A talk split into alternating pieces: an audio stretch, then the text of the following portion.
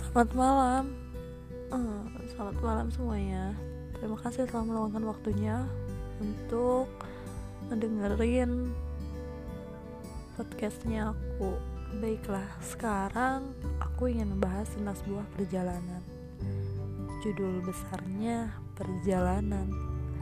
Dari kalian tentu bertanya-tanya Perjalanan apa sih yang ingin aku bahas? Di Find Me podcast aku kali ini perjalanan yang ingin aku bahas yaitu mengenai perjalanan tentang sebuah rasa.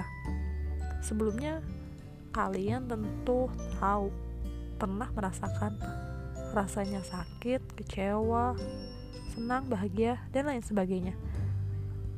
Tapi